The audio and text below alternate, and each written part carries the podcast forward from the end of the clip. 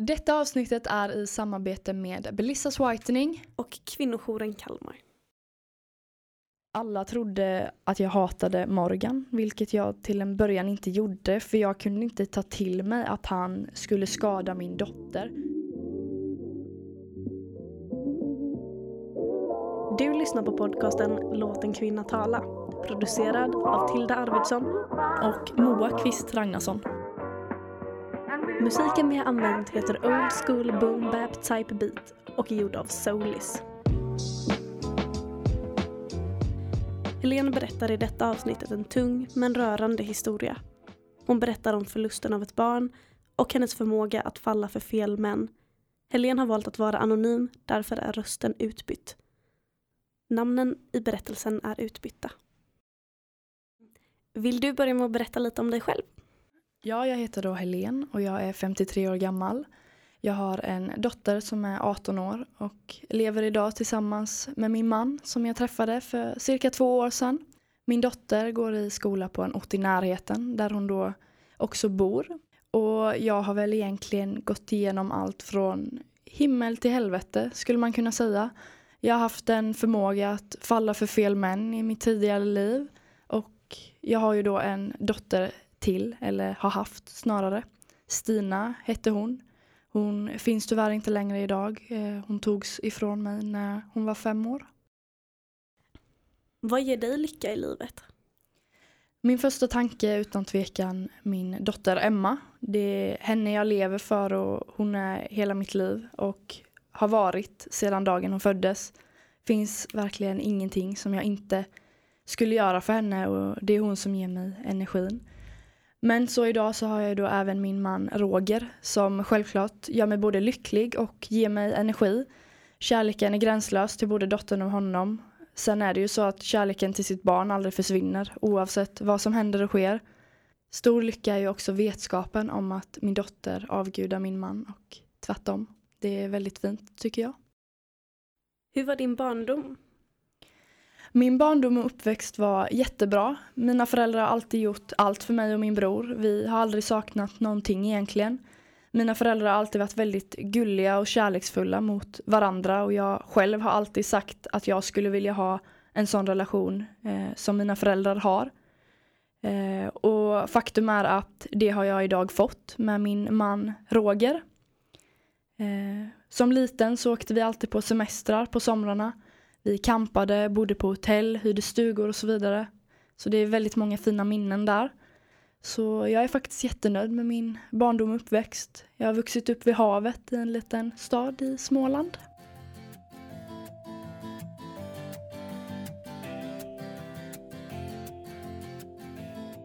Berätta om hur du träffade din dotter Stinas pappa. Jag träffade Stinas pappa på mitt dåvarande jobb.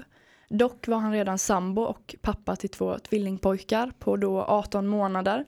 Till slut föll jag och hans relation med sin sambo var ett minne blott. Det var en väldigt jobbig skilsmässa. Hans två tvillingpojkar var hos oss varannan helg eh, och på lov och så vidare. Därefter flyttade vi ihop ganska snart, först i min hemstad, men Pelle trivdes aldrig riktigt i stan, så till slut flyttade vi till det samhället han kom ifrån. Efter något år köpte vi vårt första hus tillsammans. Det var väldigt mycket festande på landet och efter två år så gifte vi oss. Vi fick en bröllopsresa till Gran Canaria av föräldrarna i bröllopspresent. Och där var första gången som han slog mig. Han skyllde på fyllan och jag godtog det. Sedan fortsatte det i sju år innan jag till slut avslutade vårt förhållande. Han rörde mig aldrig när han var nykter och det var väl där jag hittade min ursäkt för att stanna kvar. Två år efter vi gifte oss föddes Stina. Han fortsatte sitt förstande på helgerna. Han ville inte växa upp och ta ansvar så det blev att jag skötte allt. Stina, hans pojkar när de kom, hund, hus och trädgård. De sista åren tillsammans hatade jag honom. Jag hade försökt få honom att fatta att vi skulle dela på oss och han hotade med att han skulle ta livet av sig. På helgerna när han festade var han grymmare än grymmast mot mig. Han nöjde sig inte med att bara slå utan blodet skulle spruta. Då var han nöjd. Förutom då att han var lat och bortskämd så var han en underbart snäll kille när han var nykter. Och det var ju då det som, och det var det som gjorde att det tog så lång tid för mig att faktiskt lämna honom. Det och rädslan. Rädslan för att få stryk, problem och att han skulle ta sitt liv på grund av att jag lämnade honom. Berätta lite om Stina. Hur var hon? Och hur var känslan av att få en dotter? Stina var en underbar liten tjej och hon var älskad från första stund. Hon blev verkligen vändpunkten för mig vad gällde min relation med hennes pappa. Jag ville lämna honom och hade jag inte varit så rädd för att lämna så hade jag gjort det långt, långt tidigare. Och faktum är att även att jag hade skiten med misshandel titt som tätt på helger så kände jag ändå en trygghet hur sjukt det än låter. Vilket kanske är svårt att förstå för någon utifrån. Den var svår att bryta upp ifrån. Ett misstag jag aldrig skulle göra idag. Men Stina då var solen i vårt liv och jag tog hand om henne själv mestadels. Hon var med mig nästan alltid och hennes pappa fanns bara där och var med om allt roligt och så vidare. Känslan av att få ett barn är enorm. Det var verkligen magiskt och man känner direkt en sån kärlek. En kärlek som aldrig försvinner helt enkelt. Berätta om din och Pelles relation. Pelles och min relation var som den alltid varit under tiden vi levde tillsammans.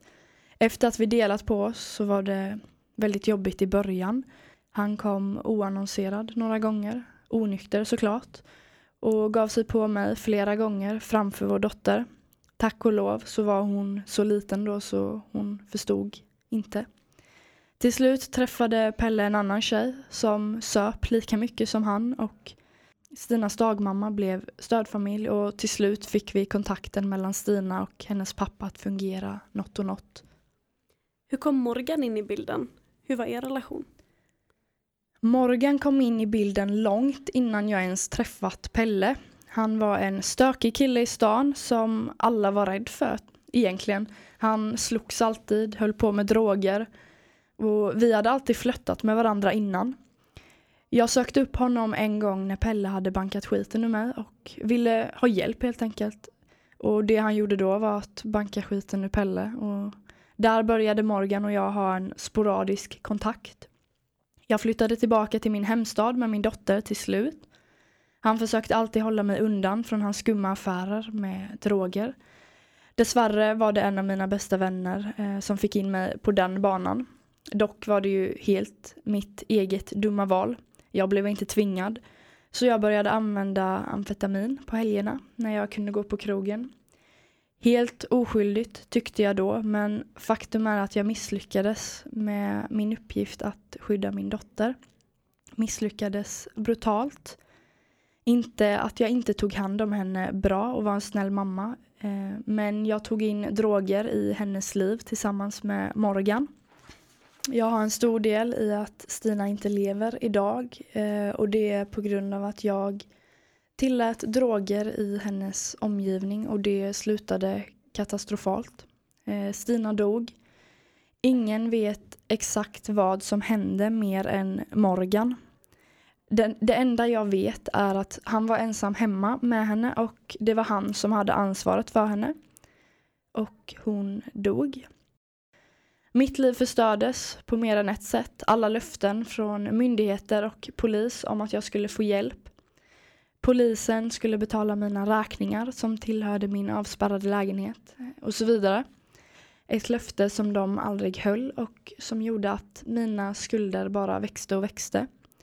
Eh, och detta har ju då lett till att jag varit i Kronofogdens klor i många år.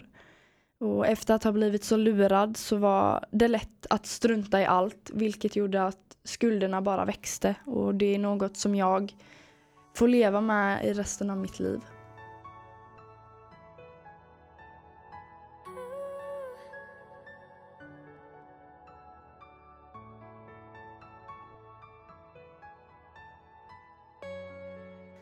Jag hanterade Stinas stöd på helt fel sätt. Eh, jag hanterade det genom att börja punda dagligen.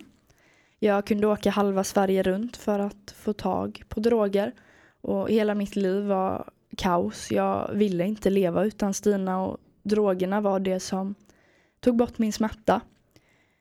Alla trodde att jag hatade Morgan, vilket jag till en början inte gjorde för jag kunde inte ta till mig att han skulle skada min dotter som jag visste att han avgudade eller trodde att jag visste. Så jag svävade runt i dimman av amfetamin i några veckor innan fasaden rämnade.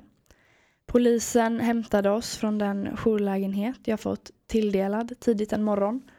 Morgan blev då häktad misstänkt för att ha berövat Stina livet och långt senare dömdes han för vållande till annans död och fick fängelse i några år.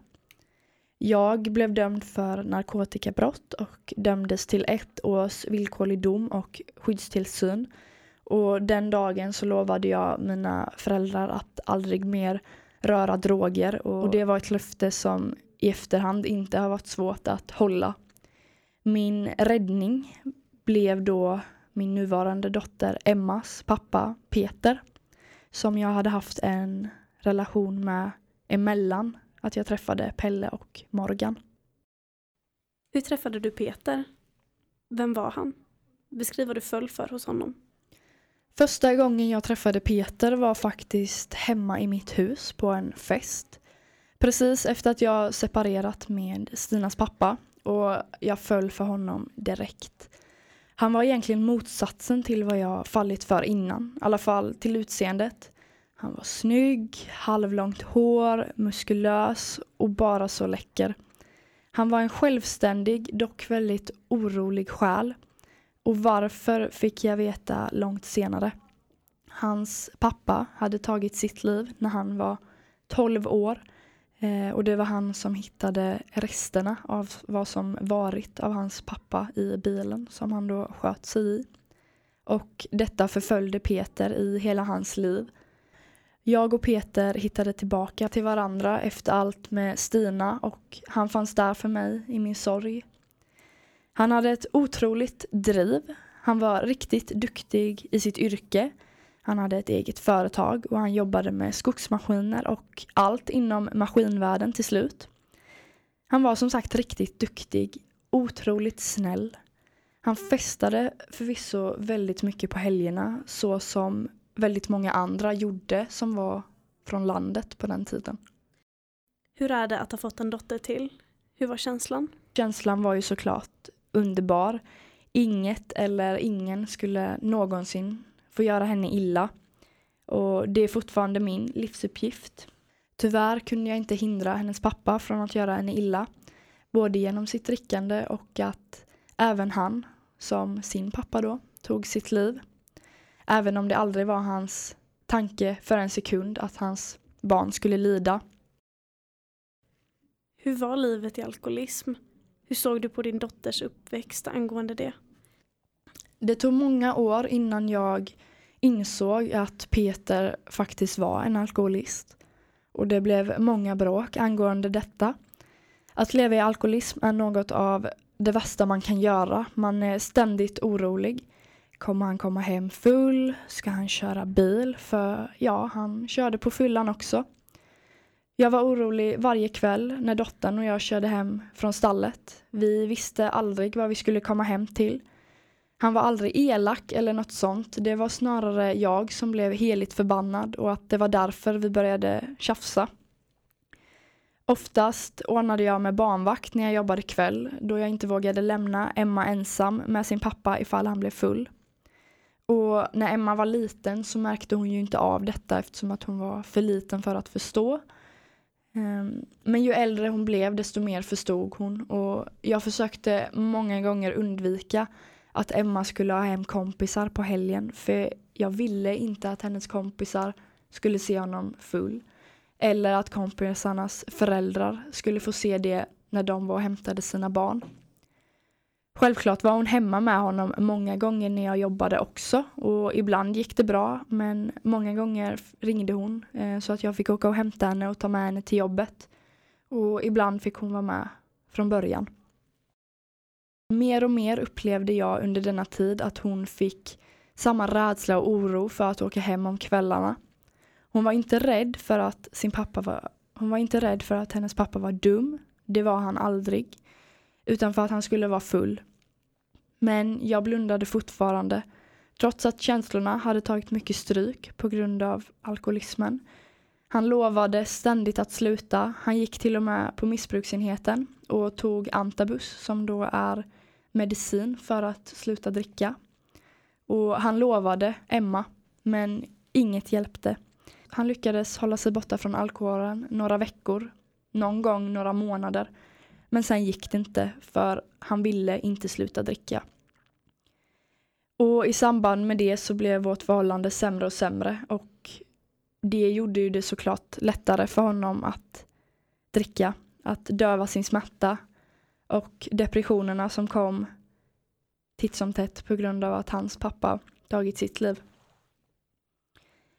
Peter, Emmas pappa då, har sedan unga år sagt att han skulle ta sitt liv till folk omkring honom. Det är det han lärt sig att man gör när man möter motgångar kan man väl säga. Plus att han aldrig har fått bearbeta sin sorg efter sin pappa. De fick aldrig prata om sin pappa för sin mamma, något som förstörde hans liv enligt mig och många andra. Jag visste att jag var tvungen att ta mig därifrån men jag hade svårt för det. Även om jag vid detta laget slutat älska honom som en partner så älskade jag honom som min vän och som Emmas pappa. För att han gett mig det käraste jag har. Och även om han gjorde oss alla illa så ville jag inte såra honom. Till slut gick det så långt att Emma själv sa att vi måste flytta ifrån pappa. Och droppen kom när en arbetskamrat till mig sa att du vet att det är ditt fel att din dotter mår dåligt nu va? För du är hennes mamma och ska skydda henne från allt sånt. Och det var då som jag tog mitt beslut att flytta Peter blev bestött. Eh, jag lovade honom att bo kvar tills Emma och jag fick vår lägenhet. Och han lovade att sköta sig och inte dricka inför oss. Eh, och var han tvungen att dricka så fick han åka bort till sin stuga i skogen, något som han ofta gjorde. Den sista tiden innan vår flytt så hade vi dock roliga stunder tillsammans. Inte som ett par, för det var över för min del. Men vi hade riktigt roligt som vänner. Jag, jag visste att oavsett vad så skulle han alltid ställa upp och hjälpa mig om det skulle behövas och jag försökte hjälpa honom så mycket jag kunde. Sista dagarna innan flytten var riktigt jobbigt. Då drack han och det var mycket tjafs. Han var ledsen. Och hur det än är så var även jag det. Ledsen över att det inte fungerade. För drömmen var ju trots allt att leva med Emma och hennes pappa. Emma sov inte hos sin pappa efter att vi flyttat. Hon var oftast inte där ensam för han var ofta onykter. I början var jag där med henne men till slut så gick det så långt att jag var tvungen att bryta kontakten med honom. Jag fick byta till skyddat nummer för att slippa telefonsamtal dygnet runt från en full Peter. Han bar sig dumt åt mot mig i sin ledsamhet över att förlorat sin familj. Så i över ett års tid pratade inte jag med honom. Jag ordnade så att Emma fick åka till honom med en kompis till Peter. Där fick Emma sitta emellan. Hon fick medla mellan oss, något som jag inte insåg från början. Hon fick mycket skitsnack från sin pappa om mig. Visst har jag mer än en gång sagt att jag tycker han är dum, eller så inför henne, men inte på det sättet som han har gjort. Jag har gjort allt för att han skulle få ha en så bra kontakt med sin dotter som möjligt. Jag vände mig till socialen för att få hjälp, ville att de skulle få honom att inse att han måste vara nykter om han skulle ha kontakt med sin dotter. Och de startade en utredning om oss båda. Det hela slutade med att de sa till mig att jag inte skulle låta Emma träffa sin pappa alls, något som jag blev bestött över, för det var inte anledningen till varför jag bett om hjälp. Och i det beslutet så gick jag emot dem. Efter ett år utan någon som helst kontakt så kontaktade jag Peter. För jag visste att oavsett vad så skulle han hjälpa mig om det så behövdes. Och jag visste att han skulle finnas där för sin dotter. Så vi gjorde en överenskommelse om att han skulle sluta ringa på fyllan så vi kunde ha kontakt. Inga samtal vare sig till Emma eller till mig. Och det fungerade, inte helt felfritt. Men efter det så började jag åka med Emma dit och vi kunde laga mat tillsammans. Tyvärr så såg han allt detta som en chans till att vi skulle komma tillbaka till honom, vilket inte var fallet från min sida. Han drack för mycket. Men han brukade ringa till oss när han var hemma från jobb och när han var nykter. Och då ville han väldigt gärna att vi skulle komma dit, vilket vi nästan alltid gjorde. Däremot hände det mer än en gång att vi åkte därifrån på grund av att han hade druckit då. Han försökte smyga med det, men både jag och Emma hade lärt oss alla tecken. Jag stirrade mig blind på att Emma skulle ha en kontakt med sin pappa. Det har ju tyvärr lett till att hon har fått uppleva mycket skit och elände under sin uppväxt. Något ett barn inte ska behöva och det misstaget får jag leva med i hela mitt liv. Att jag inte kunde skydda henne från att uppleva det. Men ändå så ångrar jag inte att jag lät Emma ha kontakt med sin pappa. För det är något som hon aldrig kan vända emot mig. Peter var en underbar människa, men han var sjuk. Jag tyckte ändå att Emma hade rätt till sin pappa i den mån det fungerade, men är såklart oerhört ledsen över allt hon fick utstå och gå igenom. Ledsen över att vi blev medberoende till en alkoholist, för det är precis det man blir.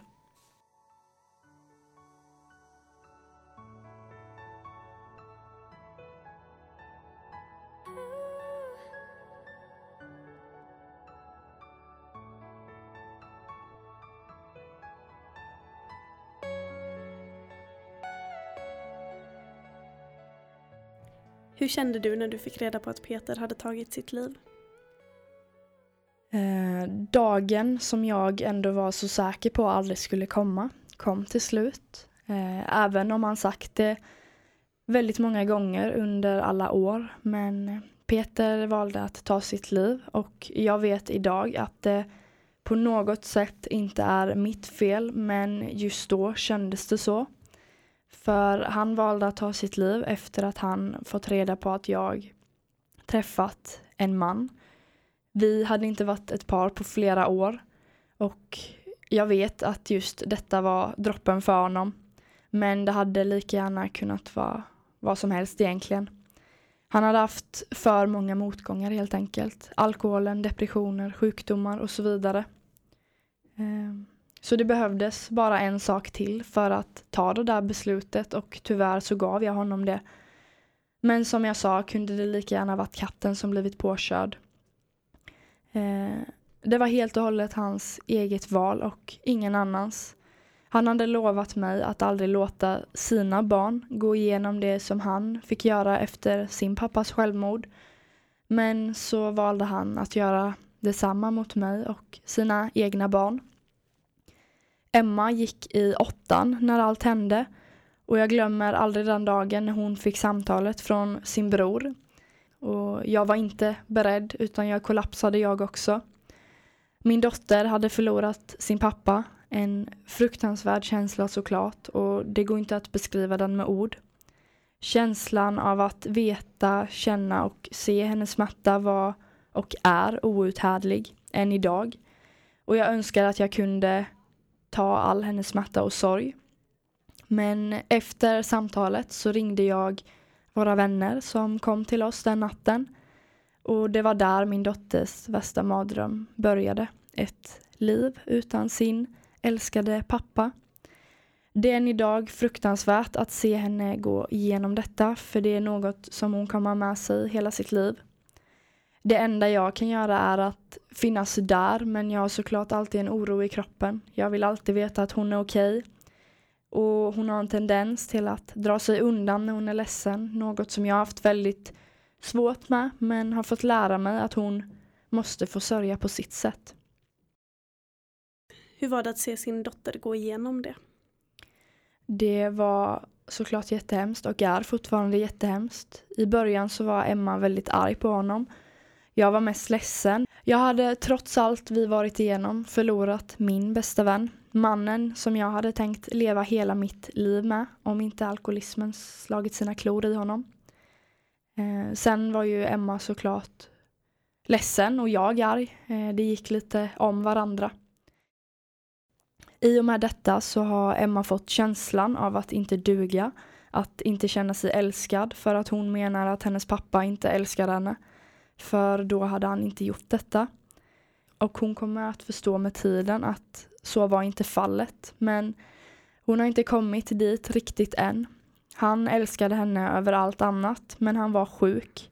Och det var den sjuka Peter som tog sitt liv och det har jag försökt få Emma att förstå. Han ville aldrig såra henne eller någon annan men han var sjuk och såg ingen annan utväg helt enkelt. Och har man ett barn så tycker inte jag att man har den rättigheten och det är jag fortfarande otroligt arg på honom för. Att han lämnade henne med dessa fruktansvärda känslor av att inte känna sig älskad av sin egen pappa. Men det är helt fel och jag tror innerst inne att hon är medveten om detta. Om inte så kommer hon förstå det med tiden men hon går igenom sitt livs största fight varje dag resten av sitt liv. Kommer du ihåg vad din dotter sa efter hennes sista samtal med sin pappa? Mitt, både mitt och min dotters sista samtal med Peter var inte särskilt bra då vi båda bråkade med honom. Men när min dotter avslutade samtalet med sin pappa så sa hon till mig Mamma, nu kommer pappa ta sitt liv. Varpå jag svarade nej, det kommer han inte göra. Det är bara för att han är full och ledsen som han håller på så här. Men så fel jag hade och jag kan inte med ord beskriva känslan av maktlöshet att få se sin dotter så ledsen och det känns än idag så fruktansvärt att hon från början hade känslan av vad som faktiskt skulle hända.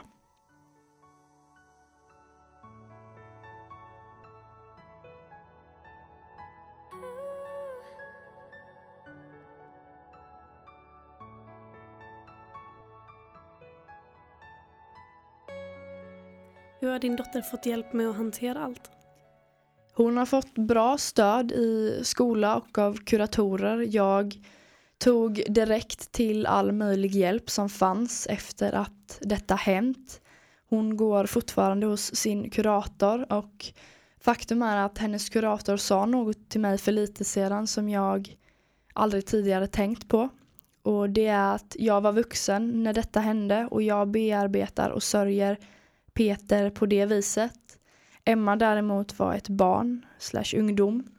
Och fram tills den dagen att hon är helt vuxen i sitt sinne så kommer hon att gå igenom detta för att barn och vuxna bearbetar saker på olika sätt.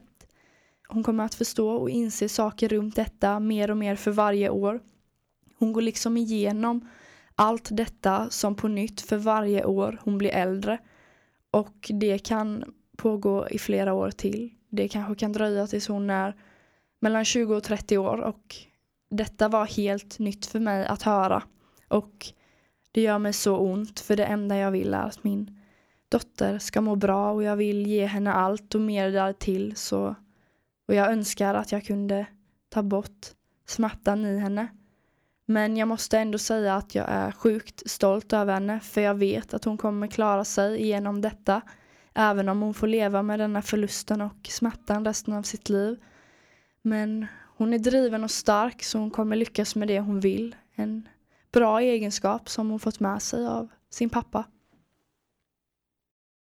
Hur är relationen med din dotter idag? Hur mår hon?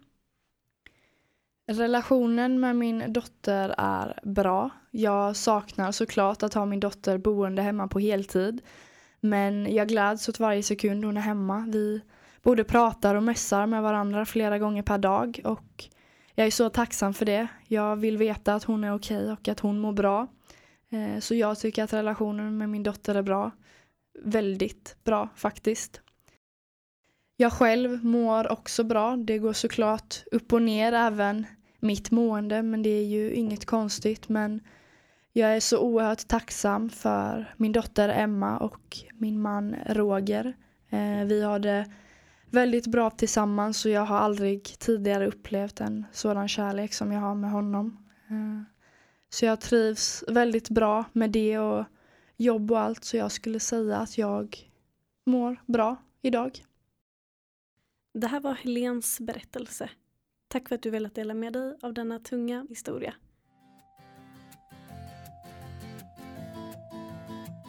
Som vi då nämnde tidigare så är en av våra nya sponsorer Belissas Whitening som då är ett företag som tillverkar tandblekning.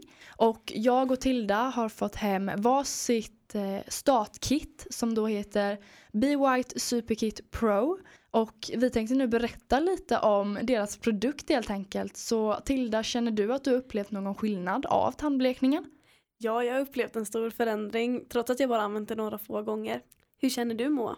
Jag har ju använt eh, tandblekningen några fler gånger än eh, vad du har gjort.